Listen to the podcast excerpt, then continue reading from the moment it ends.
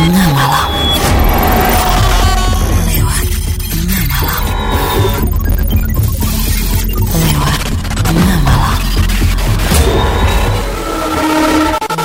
Lewat tengah malam.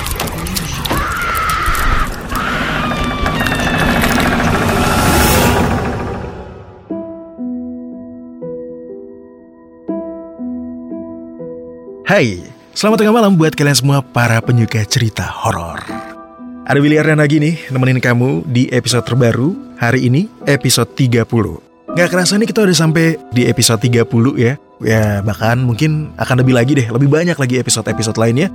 Makanya support terus podcast lewat tengah malam, biar makin rame yang dengerin, makin rame juga nih episodenya bakal bermunculan. Aku juga mau nyapa nih buat kamu yang baru pertama kali dengerin podcast lewat tengah malam, welcome buat teman-teman tengah malam, buat member baru nih ya. Semoga pada betah di podcast ini. Nah nggak bosan-bosannya juga mau ngajakin kamu buat aktif nih buat follow podcast lewat tengah malam, di share juga.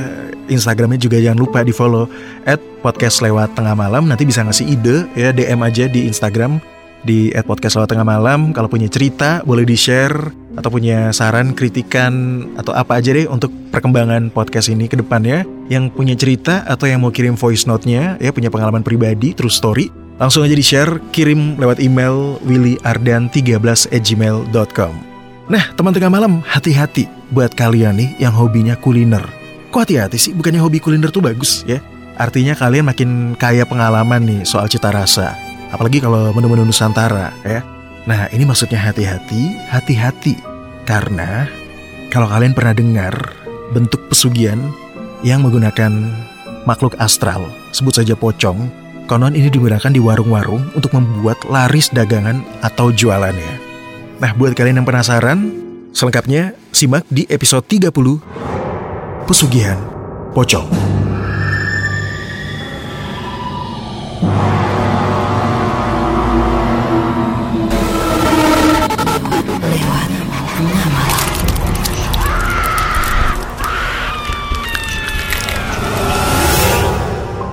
Dalam setiap usaha atau bisnis warung makan yang sedang dijalankan, profit merupakan sesuatu yang menjadi tujuan utama dan indikator kesuksesan.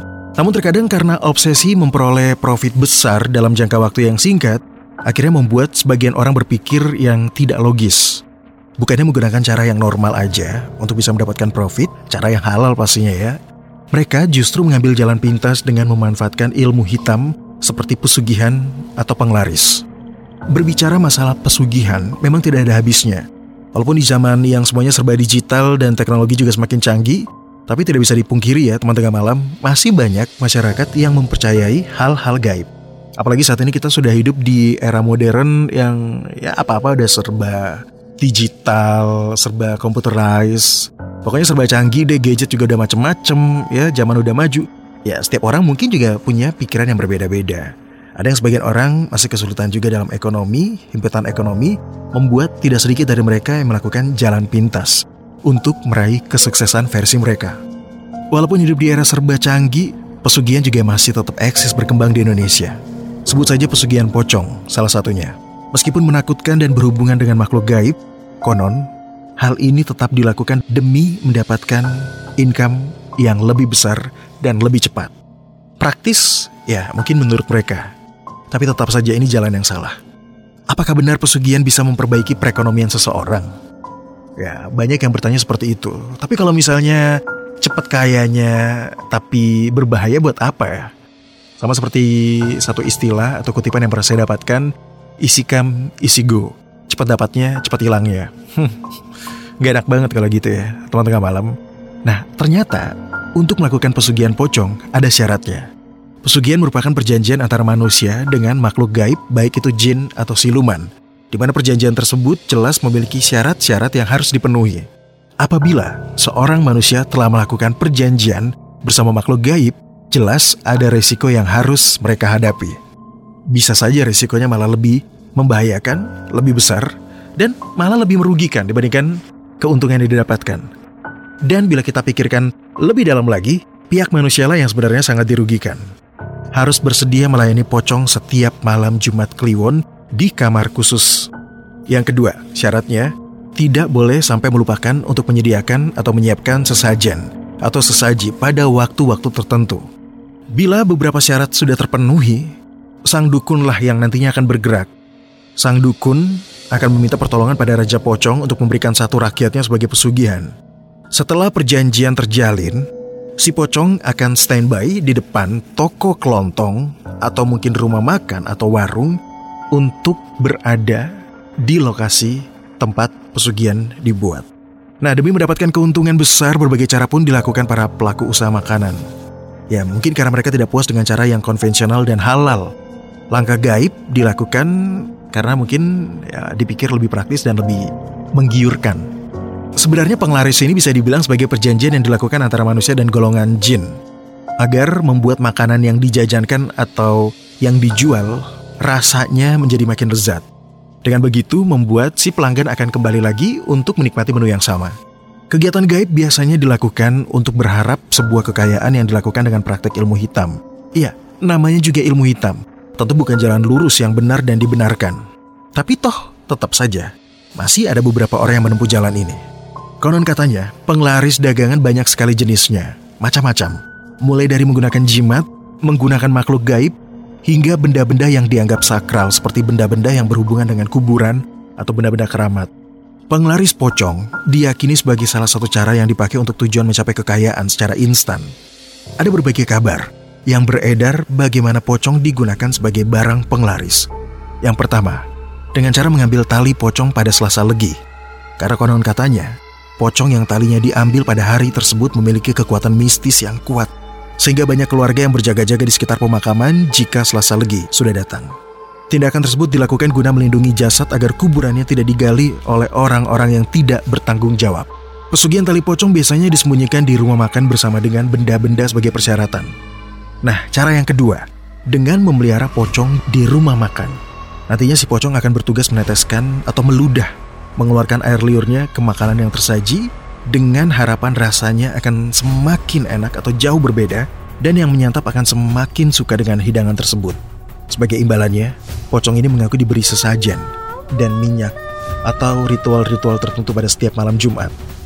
Sebelumnya pada 2019 lalu publik sempat digegerkan dengan video penampakan pocong yang terekam kamera di sebuah rumah makan sekitar Malang, Jawa Timur. Jadi ceritanya ada sekelompok anak muda yang sedang menyantap makanan di sore hari menjelang maghrib di salah satu tempat makan. Nah salah satu temannya mencoba untuk mengabadikan momen tersebut ya untuk dokumentasi lah. Namun yang terlihat sungguh tidak terduga. Ada sosok misterius yang berayun-ayun di dalam rumah makan tersebut atau yang melompat dari satu meja ke meja lain atau dari satu tempat ke tempat lain yang diyakini sebagai sosok pocong karena mengenakan kain berwarna putih yang terikat seperti mayat yang dikafani. Tapi anehnya, saat direkam, orang-orang sekitar tidak ada yang menyadari dan tetap lahap menyantap hidangan yang tersaji. Nah, teman tengah malam, bagaimana nih pendapat kamu perihal mitos dan cerita tersebut? Menurut kamu benar atau tidak sama sekali? Nah, seperti yang kita tahu, bila melakukan perjanjian dengan pocong akan ada resiko yang didapatkan. Terlebih lagi perjanjian ini tidak bisa dibatalkan. Setiap malam Jumat Kliwon, si pria akan berpakaian rapi seperti menyambut seorang tamu Kemudian dia akan masuk ke dalam kamar khusus tersebut. Si pocong akan berubah menjadi wanita cantik dan siap melayani meskipun dalam rupa wanita cantik ya tetap saja sosok astral atau sosok gaib itu adalah pocong. Nah, kalau sudah gini masih mau nggak teman tengah malam? Jangan sampai deh, jangan mencoba hal-hal yang sebenarnya memang membahayakan buat kita dan keluarga kita. Bila syarat-syarat pesugihan pocong tidak dilakukan sesuai dengan ketentuannya, Resikonya adalah dia akan kehilangan orang tersayang mereka sebagai tumbal, baik itu anak, istri, orang tua, atau bahkan nyawa mereka sendiri. Lalu apa saja sih tanda-tanda kalau sebuah warung memakai pocong penglaris? Nah, berikut ini podcast Selalu Tengah Malam sudah mengumpulkan beberapa informasi mengenai ciri-ciri sebuah warung memakai pocong penglaris yang didapatkan dari berbagai sumber. Yang pertama, rasanya ini selalu lezat karena diludahi pocong. Banyak kaum indigo yang menyebut jika makanan akan terasa lebih lezat saat dimakan karena diludahi oleh sang pocong terlebih dahulu sebelum disantap pengunjung. Liur gaib yang tercampur ke makanan menjadi jampi-jampi yang mempengaruhi pikiran, bahkan juga cita rasa dari makanan, bahkan mungkin juga dari lidah setiap orang. Sehingga dia menyangka bahwa makanan itu benar-benar lezat, padahal sebenarnya rasanya biasa-biasa saja. Nah, ciri yang kedua, makanan hanya lezat saat dimakan di tempat. Gimana, teman tengah malam pernah nggak sih punya pengalaman seperti itu? Makan di tempat enak banget, pas dibungkus, bawa ke rumah, bawa pulang ke rumah, rasanya biasa-biasa aja. Seperti itu. Konon katanya, makanan akan berbeda saat makan di tempat dan saat makan di rumah atau bawa pulang. Atau bahkan juga makanannya jadi cepat basi dan tidak layak untuk dikonsumsi. Tugas jin penglaris adalah menjaga tempat usaha tuannya. Tidak hanya dari gangguan tapi juga soal rasa. Jin penglaris bertugas membuat makanan-makanan yang disajikan rasanya menggoda selera. Meskipun rasa yang enak ini sebenarnya tipuan belaka. Ciri yang ketiga, jika berdoa sebelum makan, katanya rasanya akan berubah total. Mungkin kamu pernah mengalami hal ini, jadi saat makan di satu tempat dan langsung kita icip rasanya benar-benar enak. Tapi kemudian ketika kita berdoa rasanya berubah 180 derajat, rasanya tidak senikmat sebelumnya. Ya, ini juga harus diwaspadai sebagai indikasi sebuah tempat itu memasang pocong penglaris. Ya, apalagi kita sejak kecil diajarkan untuk selalu berdoa sebelum makan. Alasannya salah satunya ya agar makanan yang akan kita santap terhindar dari pengaruh-pengaruh negatif atau hal-hal jahat. Ciri yang keempat ada ruang khusus katanya yang tidak boleh dibuka.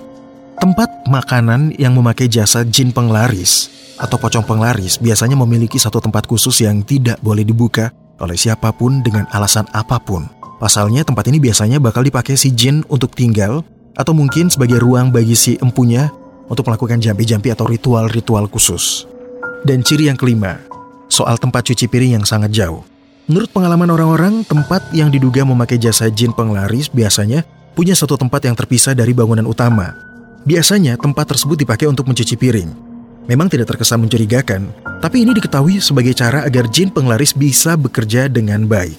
Konon, jika kamu pernah melihat warung makan yang lokasinya saling berdempetan satu sama lain, dan kamu perhatikan dari banyaknya pembeli atau pengunjung, kamu bisa mengetahui apakah warung makanan tersebut menggunakan penglaris dagangan atau tidak.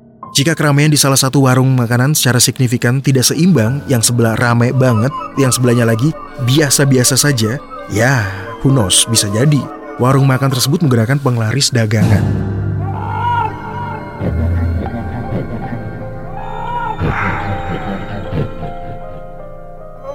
Ada seorang anak indigo bernama Depian.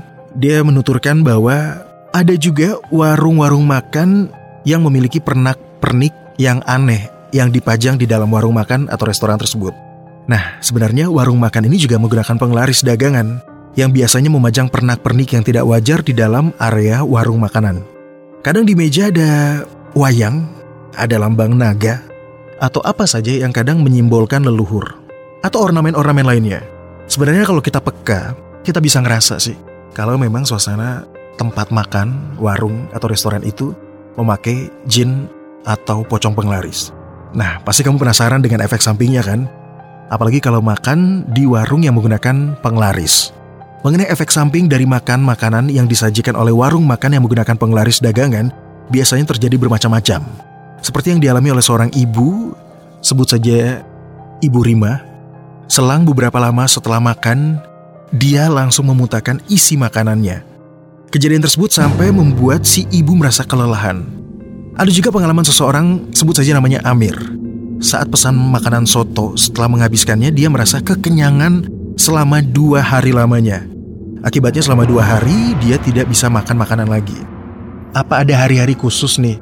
Warung makanan yang menggunakan jin penglaris atau pocong penglaris buka atau tutup? atau ada jadwal-jadwal khususnya. Dan ternyata warung makan pesugihan tidak buka setiap hari. Biasanya ada yang tutup di hari-hari tertentu.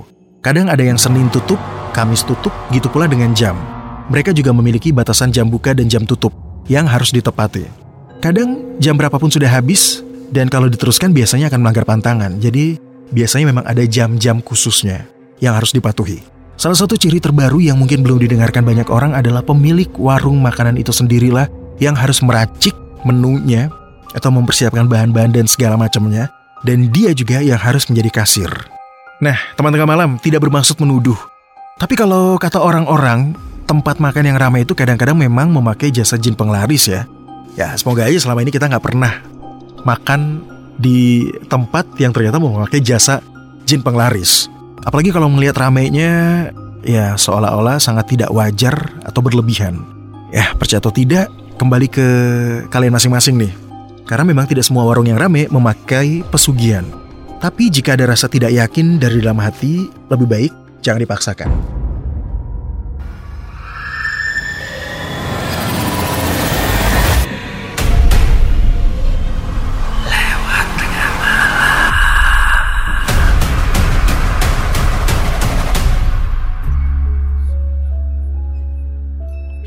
Nah, itu dia teman tengah malam episode 30 Pesugihan Pocong. Semoga setelah kamu mendengarkan episode ini makin lebih hati-hati dan jangan lupa biasakan berdoa sebelum makan, bukan foto makanan sebelum makan. Karena emang biasanya gitu ya teman tengah malam. Di foto dulu, selfie dulu, baru makan. Doanya lupa. Oke, kalau gitu kita bakal ketemu lagi nih di episode berikutnya. Tungguin aja. Selasa dan Kamis jam 9 malam bakal di-share di Spotify dan juga di Anchor. Sekali lagi terima kasih teman tengah malam sudah mendengarkan podcast lewat tengah malam. Saya Willy Ardan pamit. Selamat tengah malam.